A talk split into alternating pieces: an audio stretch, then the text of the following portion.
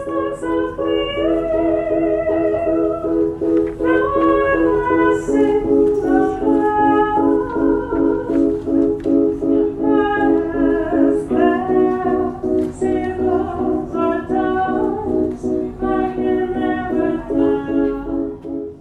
visiems, ačiū, kad įsijungėte Naro podcastą. Čia Karolis Višniauskas, linkėjimai iš New Yorko.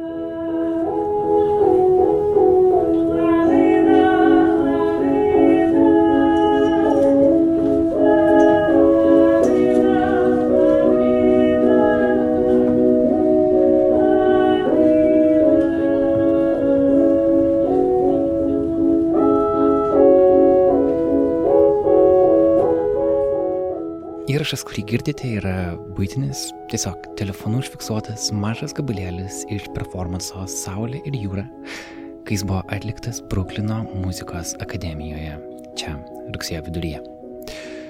Tai buvo pirmasis akademijos rudens sezono kūrinys. Visi bilietai buvo išpirkti per kelias dienas, nors rodymų buvo praktiškai dvi savaitės. Man pavyko patekti į vieną iš jų Ir po vieno iš pasirodymų susitikau su Vaiva Grainytė, Lina Lapelytė ir Rugilė Baržiukaitė, Saulės ir jūros autorėmis, įrašyti pokalbį. Mes neturėjom daug laiko, bet e, vis dėlto užfiksuoti šitą istorinį momentą turo po Junktinės valstijas ir apskritai visą jų gyvenimą laimėjus Venecijos penalės geriausią nacionalinį paviljoną. Tai yra dovana Lietuvos menui, tai yra galimybė naujiems menininkams svajot. Ir tiesiog vienas iš dalykų, kurie džiugina šiuo metu, nors tema, su kuria jos dorojasi, tai yra klimato krizė ir mūsų pasyvumas į ją yra niekuo smagi, bet e, tai yra vienas iš būdų atkreipti dėmesį ir joms tai tikrai pavyko. Su Vaiva, Lina ir Rugilė mes užlipame ant Bruklino muzikos akademijos stogo Buvo šiltas šeštadienio vakaras, apačioje miestas vyrė, kaip visada čia. Ir mes turėjom šiek tiek laiko pasikalbėti. Tai yra trumpas interviu, trumpesnis nei mes esame įpratę Naroje, bet e, pasikartosiu šitą momentą. Norėjau užfiksuoti ir leisti jums tiesiog pabūti kartu, pabūti jo dalimi. Gero klausimą. Kadangi esam garsinė medijume, E, mūsų klausytojai negalės matyti, kur iš jūsų kalba. Nežinau, įrašo eigoje eis galiausiai atskirti, bet galim pabandyti e, tiesiog pradžiai prisistatyti, kad klausytojai galėtų išgirsti jūsų balsus. Aš esu Lina Lapelytė, operos Saulės ir, jų, Saulė ir jūra bendrautorė ir, ir muzikos autorė turbūt. E, Vaiva Grainytė, operos Saulės ir jūra teksto autorė, viena iš trijų bendrautorių. O aš esu Rugilė Baržiukaitė, trečia bendrautorė ir atsakinga už režisūrą ir scenografiją buvau. Bet mes visos atsakingos už viską tuo pačiu. Ir mes esam šiandien New York'e. Aš pats atėjau, laukiau eilėje, kad patekčiau į vidų uh, Brooklyn Academy of Music. Eilė yra labai ilga, tu nematai jos galo realiai gatvėje. Ir ką jums pačiom reiškia šis faktas, kad šitame mieste iš daugybės dalykų, ką galima daryti šeštadienio vakarą tiek žmonių pasirinko jūsų kūrinį ir ką tai duoda, ar tai duoda džiaugsmą, ar tai duoda stresą, ar tai duoda truputį viso kito? Tai duoda šiek tiek liūdėsio, nes žinau, kad daug žmonių yra stand-by eilėje, kurie neturi bilietų ir tikisi pakliūti. Tai čia šiek tiek primena mums Venecijos tas eilės didelės, bet tiek, kad erdvė daug mažesnė čia ir, ir ją užpildyt, išsipildo daug greičiau. Tai... Bet aišku, smagu mums, kad tiek daug dėmesio. Man sukelia dežavų jausmą. Jaučiuosi kaip Venecijoje vėl. O kaip jautys Venecijoje? Venecijoje tai buvo daug labai sumišusių emocijų - dopamino, kortizolio, nuovargio ir euforijos. New York'e aš ne, nepasakyčiau, kad jaučiu tiek daug emocijų, bet gal turiu omenyje, kad tas e, eilė pati nukelia į 2019 metų laikus. Kitoj pusėje gatvės yra Apple parduotuvė ir dar ilgesnė eilė yra. tai, tai kažkoks keistas jausmas iš tiesų, bet man tai asmeniškai tiesą sakant, kelia daug turbūt streso. New Yorkas kaip miestas, jis labai greitas, visko labai daug ir, ir reikia daug laiko adaptuotis mm, prie šitos intensyvios energijos, o atrodo, kad tas kūrinys mūsų irgi labai kažkaip prisideda prie tos intensyvios energijos e, jausmo ir, ir to žmonių, to, to žmonių eilė, man tai taip irgi kelia kažkokį stresą ir kalties jausmą, kad, kad ne visi gali pakliūti ir gal, gal, gal ilgiau galėtume dainuoti, gal daugiau dienų čia būti, gal, gal didesnėje erdvėje tai galėtų vykti tada. Nebūtų to, galbūt kalbėjom, kad gal tai reiškia, kad reikia atvažiuoti dar kartą tiesiog. Atvykimas šiandien nėra toks paprastas dalykas, ypač pandemijos metu, kad kiekvienas žmogus, kuris čia atvyko iš, tiek iš Lietuvos, tiek iš Italijos, tiek iš kitų vietų, um, jie turėjo praeiti visą vizų procesą, kaip ir jūs pačios. Ir žinau, kad dalis žmonių nespėjo patekti, ar ne? Kad jum pradžioje dar buvo situacija, kad jums reikėjo bent vieną dainininką rasti, nes jis dėl vizų atidėjimo negalėjo patekti laiku į New Yorką ir jūs galiausiai radote sprendimą. Kaip visą tai vyko, Rugilė? Tai tiesiog ieškojom, klausinėjom tada ir ieškojome per, per bendrus pažįstamus draugus, kas galėtų dainuoti. Ir aišku, profesionalai išgirdę, kad premjera poryt reikia per dieną paruošti rimtą rolę, nemažai atkrito. Ir mes kaip ir tiesiog toliau ieškojome. Tai tas atradimas buvo toks atsitiktinis atsitiktinis, bet ir neatsitiktinis, nes išlindo žmogus iš parko dainuojantis vakare, tiesiog savo sausinėmis ėjo ir garsiai dainavo. Aš jį pasiekiau, įsitikinau, kad tikrai gražus balsas ir užkalbinau. Ir tiesiog jis taip ir atsidūrė pas mus operoj. Aktorius, kuris turi dainavimo patirties ir tikrai visai gražiai susidaroja, labai entuziastingai iššoko į tą porelės rolę ir, ir susidorojo ir išgelbėjo porą dienų. Gal reiktų pasakyti, kad toks irgi labai keistas mistinis sutapimas, kad jis sutiko e, dainuoti visas tas penkias valandas, būti paplūdimyje ir, ir kaip tik jis turėjo projektą Italijoje, tačiau Italijoje projektas buvo atšauktas dėl COVID, o dainininkas, kuris užstrigo New York'e, taip pat yra italas ir negalėjo išvykti į Ameriką. Tai tokie tarsi kosminiai ryšiai ir dar kitas uh, sutapimas, kad šis žmogus, Rugilės rastas, taip pat e, yra homoseksualus, o, o būtent minėtasis porelės vaidmuo tai yra du vaikinai pasakojantis savo meilės istoriją, kaip jie susitiko įsiveržus ugnikalniui. Tai tikrai va toks niujorkietiškas nutikimas. Aš nepamenu, kurios iš jūsų buvo citata, kad jūs galvojate, kad, na, dar Venecija, kada viską įrenginėjot, kad buvo neaišku, ar apskritai kažkas ateis pažiūrėti, nes tai nebuvo toje centrinėje, centrinėje Venecijos dalyje, tai uh, buvo bienalės dalis, bet tokia tarsi šiek tiek kitokia nuo visos bienalės. Ir vienas iš scenarių galėjo būti, kad iš tikrųjų gal niekas tiesiog nesivargins ten ateiti, bet tada kažkaip, kažkaip uh, iš lūpų lūpą žinia pasklido ir štai dabar mes esame New York ir galim kalbėtis dėl jūsų kūrinio sėkmės. Kaip manot, kodėl taip atsitiko? Kas, ka, kas tai lėmė ir ar jūs, ar jūs pačias tai nustebino? Kalbant apie Bienalį iš vis buvo neaišku, ar mes galėsime net tą kūrinį rodyti dėl jo mastelių ir ambicing, ambicingumo, e, nes reikėjo surinkti dar ir sutelktinėme finansavime dalyvavome. Nes na, nuo pat pradžių buvo aišku, kad gauto biudžeto ne, neužteks įgyvendinti uh, mūsų vizijai Ir, na, čia tokia pelenės istorija, kaip serialas, kaip mums pavyko e, išpildyti šitą paplūdimį Venecijoje ir, ir kaip viskas rutuliojasi toliau.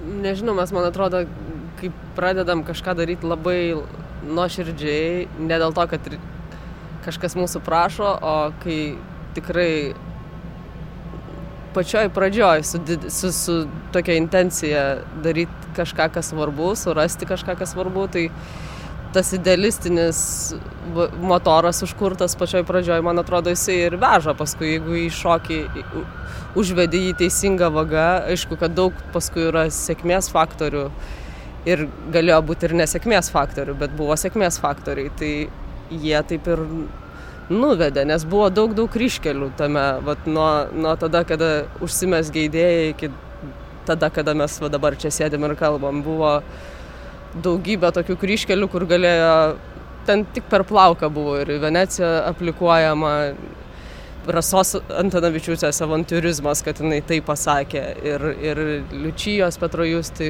ir buvo daugybė žmonių, kurie su mumis kolaboravo ir tikėjo irgi šitą idėją. Tai dainininkų šitas pasiryžimas tempti naštą ir, ir kai mes plėtojom į lietuvišką dar versiją, ten mes tikrai buvo daug pasimetimo ir daug iš jų tokio atsidavimo mm, iš dainininkų, taip, kad, kad e, irgi mūsų klaidžiojimuose padėjo mums ieškoti to, tos teisingos struktūros kūrinio ir taip toliau. Tai čia atrodo, kad tas idealistinis motoras ir kitus įtraukia tada ir viskas kažkaip iš, iš, išvažiavo. Aš vis dėlto galvoju, kad tas sėkmės momentas ir kažkoks uh, atsidavimas tam kažkokiam nežinojimui, kuriame mes buvom ir, ir, ir ir už, užmerktom akim e, ėjimas per, ta, per tą jūrą, nežinomybės kažkaip mus, než, nežinau, atvedė tas ir, ir pats tas, kaip Rugilė minėjo, ir, ir laimėjimas e, apskritai e, vietinio konkurso Venecijos bienaliai dalyvauti ir po to, kad žmonės per kelias dienas Venecijoje vieni kitiems pasakojo ir visi ėjo į tą tokį labai nutolusį rajoną ir, ir tai, kad atsitiktinai atėjo pažiūrėti kūrinio mūsų po to būsima rėmėja Lawrence Foundation.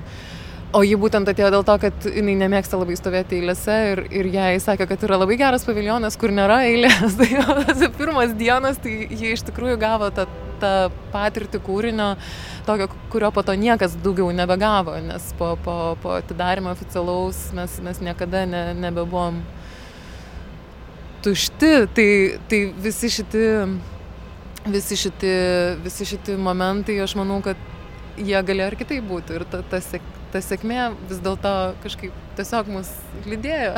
tai...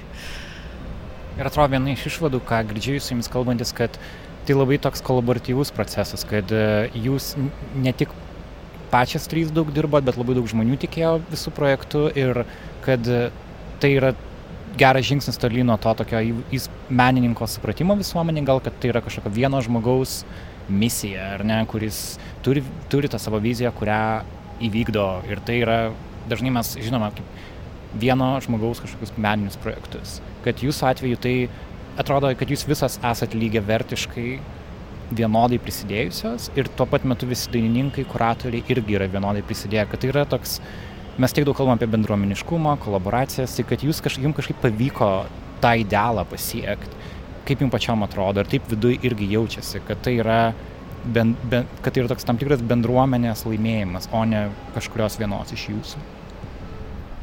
Čia neseniai davėme interviu ir buvom pavadintas tas mūsų kolaboracinis metodas kaip Hive Mind, korio kaip e, sąmonė ar tai protas. Tai pagalvojau, kad labai gražus apibūdinimas tiek kalbant apie mūsų trijų bendradarbiavimo metodą, tiek e, e, atsižvelgimą į dainininkų unikalias duotybės, taip kad, kaip kad balsas ar tai fiziniai duomenys, kuriuos, kurie, tarkim, pasufleravo uh, tam tikrus charakterius, personažus.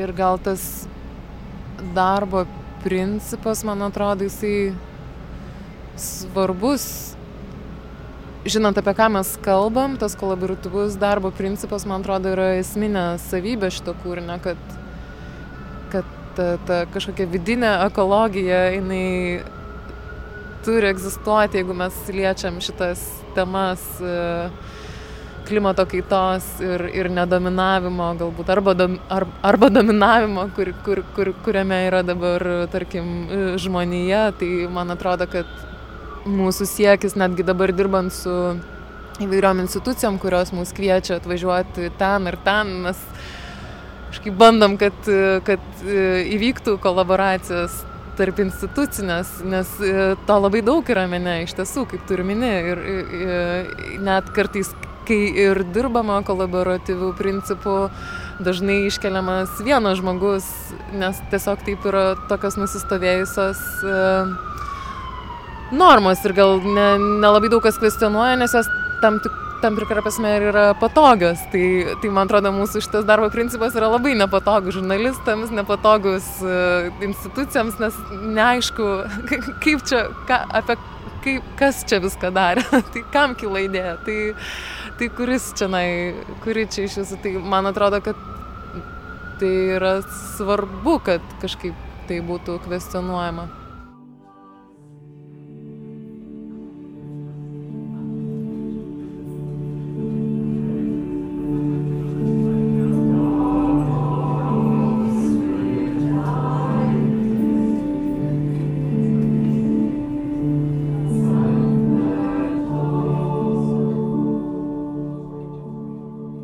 Žurnalistika yra nepriklausoma, mūsų organizacija yra nesiekianti pelno. Tai reiškia, kad vienintelis būdas mums tęsti darbą yra jūsų pristeigimas. Tad jeigu jūs esate mūsų klausytojai, esate mūsų skaitytojai, kviečiu tai padaryti, kviečiu tapti mūsų patreonais, patreon.com/narlt kaip vienas žodis. Tai yra adresas, kur būriuojasi mūsų palaikytojai. Ir naujausi jų yra Edita Horel, Paulius, Ramūnė ir Tomas Paulauskas. O mūsų 100 eurų per mėnesį patronai, mūsų nuolatiniai palaikytojai yra Mailer Light, Blossom Wood Foundation ir Ramūnė Tam. Ačiū jiems, ačiū kiekvienam, kuris skiria laiko ir pinigų tam, kad nara žurnalistika gyvuotų. patreon.com slash narlt kaip vienas žodis. O dabar grįžtame į interviu pas Vaivą, Rūkėlę ir Liną.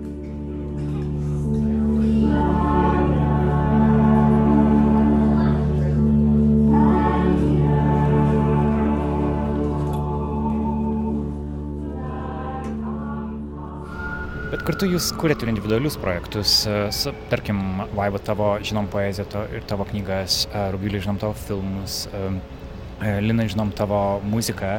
Tai ką jūs pačios galbūt išmokot šitame procese, kad na, tas darbas koryje yra kitoks negu savo kažkokio individualaus projekto kūrimas. Kaip jūs radot vietą, pat patogiai būti kartu ir dirbti kartu, galbūt kažkaip netrukdyti viena kitai, bet kartu ir nesumenkinti savęs nes šiaip tai yra labai sudėtingi dalykai ir dažnai žmonės komandose neranda to balanso.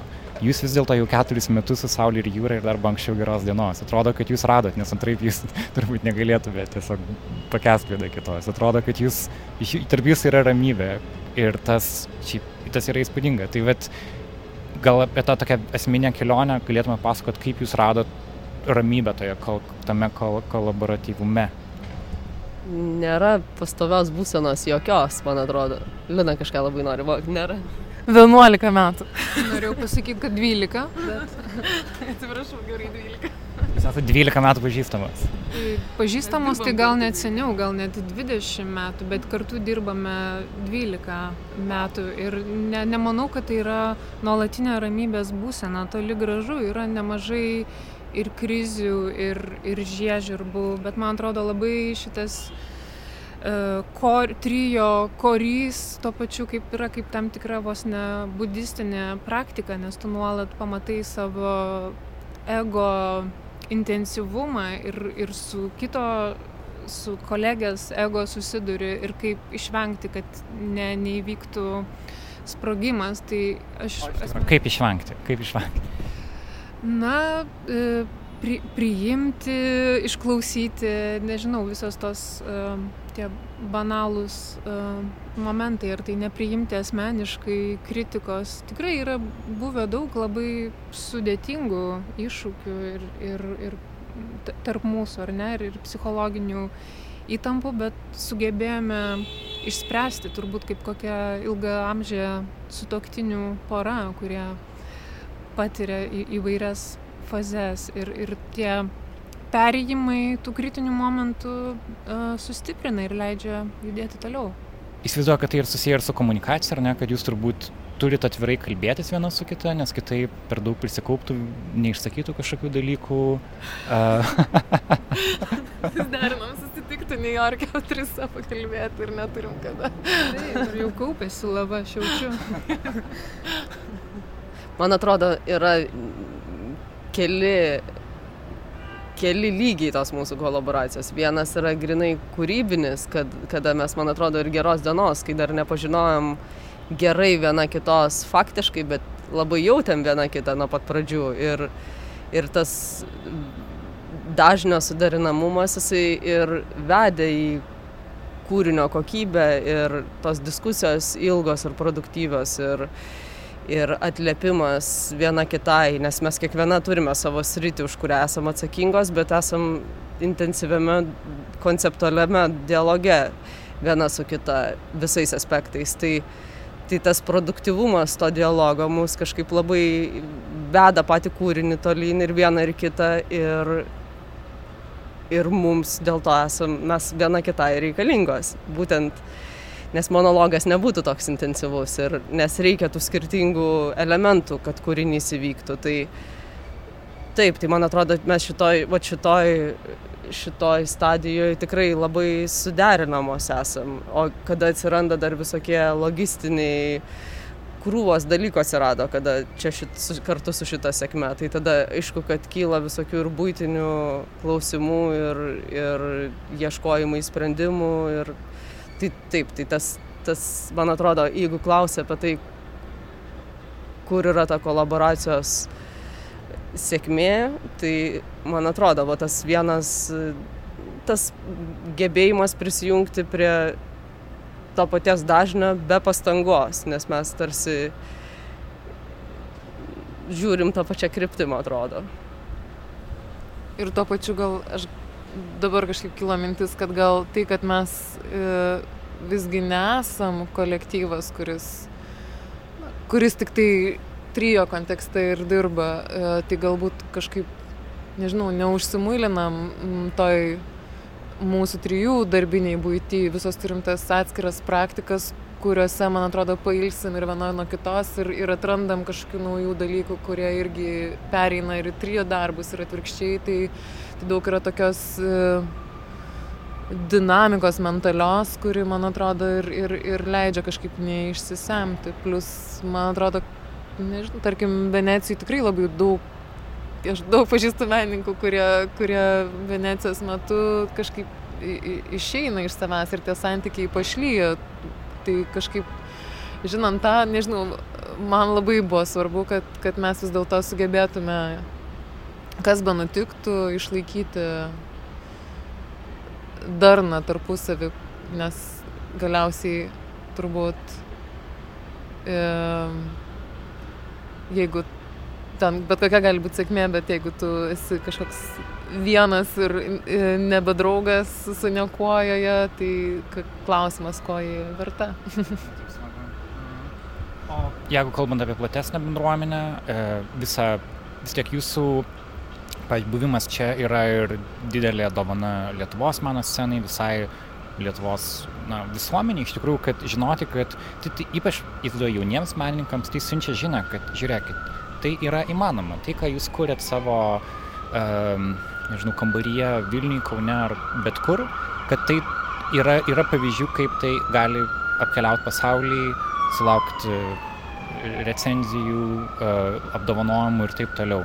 Ir įsivaizduoju, kad tai leidžia svajoti, leidžia tikėti savim. Um, kaip jūs įsivaizduojat šitą, ar kaip matot šitą savo rolę, tokia kaip tarsi įgalintojų Lietuvos kuriems tiesiog svajoti apie didesnės scenas kad jūs tiesiog parodėt, kad tai iš esmės yra įmanoma. Ar jūs apie tai galvojate, ar jums atrodo, kad, kad, kad čia jūs padėjot tokį kaip svarbę tokią plytą į, į kažkokią, nežinau, uh, tolesnę Lietuvos meno scenos vystimas? Taip natūraliai negalvoju apie kažkokias plytas, dabar kaip paminėjai, uh, galbūt, na, norėtųsi šiuo pavyzdžiu įkvėpti jaunus menininkus, bet gal, man atrodo, labiau, svarbiau būtų galvoti ne apie ne apie kažkokias didžiasias scenas ar pasaulio užkariavimą, bet susitelkti į savo praktiką ir, ir daryti tai iš būtinybės, o ne iš egocentrizmo arba norėjimo tos šlovės, sėkmės.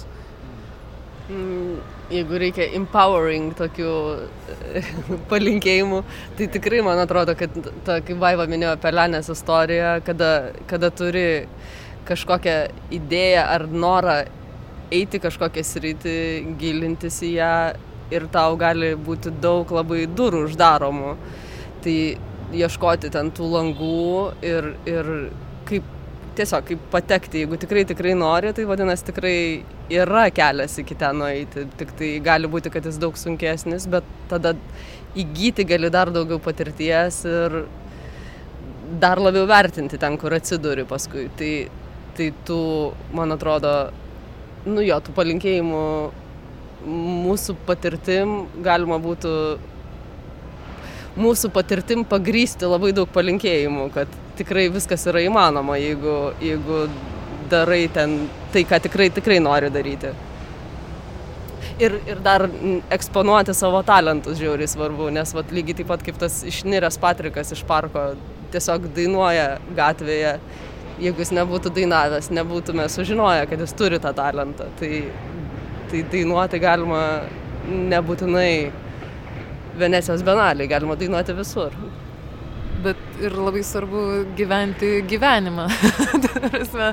Paprastai žemišką, kasdieninį, nes man atrodo, kad, kad tas nesureikšmimas to, kad tu darai, irgi labai svarbus yra. Taip, svarbus, bet e, šitas kūrinys ir jo pasiekmes, šitos sėkmės, su kuria susidurėme, kartais jaučiu, kad tikrai labai įsismelkia į, į asmeninį gyvenimą arba na, veikia tavo rutiną, tai, tai turi tam tikrą kainą visa ši sėkmė. Dabar jūs neturit kur trauktis, iš tikrųjų dabar yra poreikis jam ir jūs uh, į praktiškai savo asmeninius projektus turbūt daug kažkokių idėjų turit derinti ir turit uh, galbūt atidėti dėl, kad, kad sėkmė, kaip ir sakai, Vaiva, turi savo, savo kainą. Jis įsivaizduoja, kad nelabai gali to suplanuoti, bet dabar jau kelio atgal nebėra, dabar jau turi visas tolesnė stotelė Filadelfija, paskui Los Andželas, ar ne?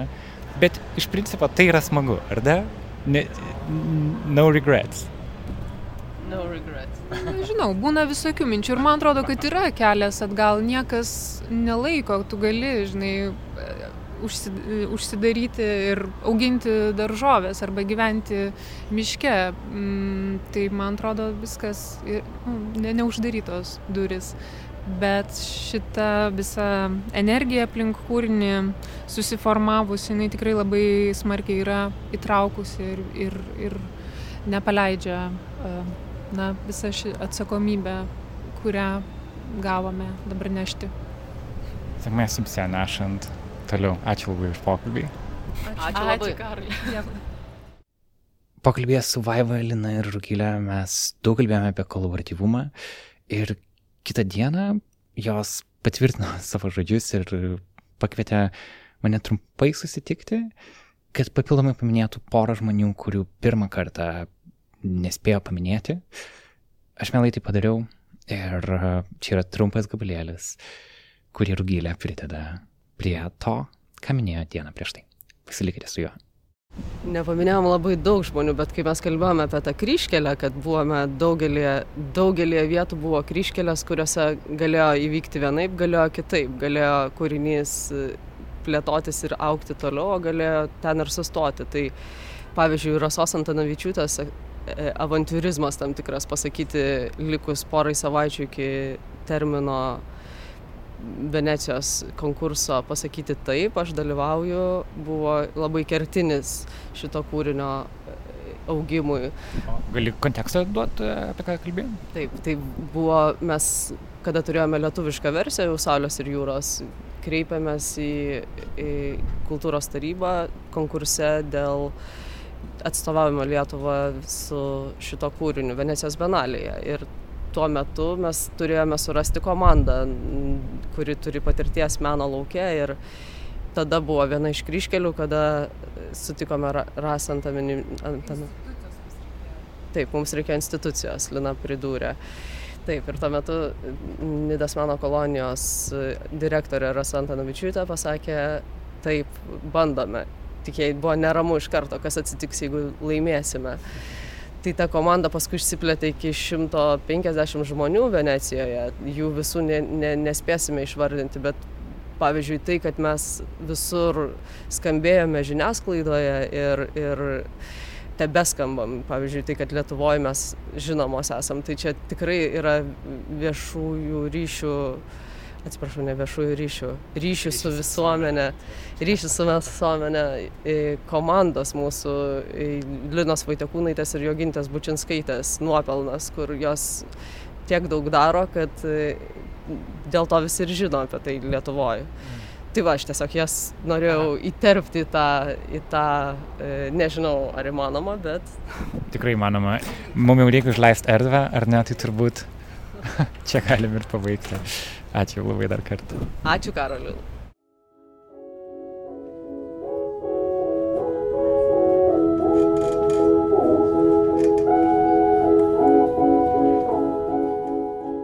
Toks mūsų epizodas šiandien. Ačiū, kad buvote kartu. Primenu, kad Nara podcastą sudaro ne tik garsas, mes visada pasiūlome ir plokštę nuotraukų kartu prie mūsų audio įrašų. Šį kartą jų autorius esu aš pats. Um, galite pamatyti, kaip man pavyko užfiksuoti Vaiva Grainytę, Lina Lapelytę ir Rugilę Parašiukaitę Nara LT tinklalapyje arba mūsų Instagrame. Ir taip pat ačiū visiems žmonėms, kurie padėjo kad šis epizodas įvyktų, tai yra kolegės Indrė Kiršaitė ir Berta Tilmantaitė, kurios padėjo su redagavimu. Ir ačiū jums visiems, kad leidžiate mums dirbti. Linkėjimai iš New Yorko, greitai sustiksim. Iki.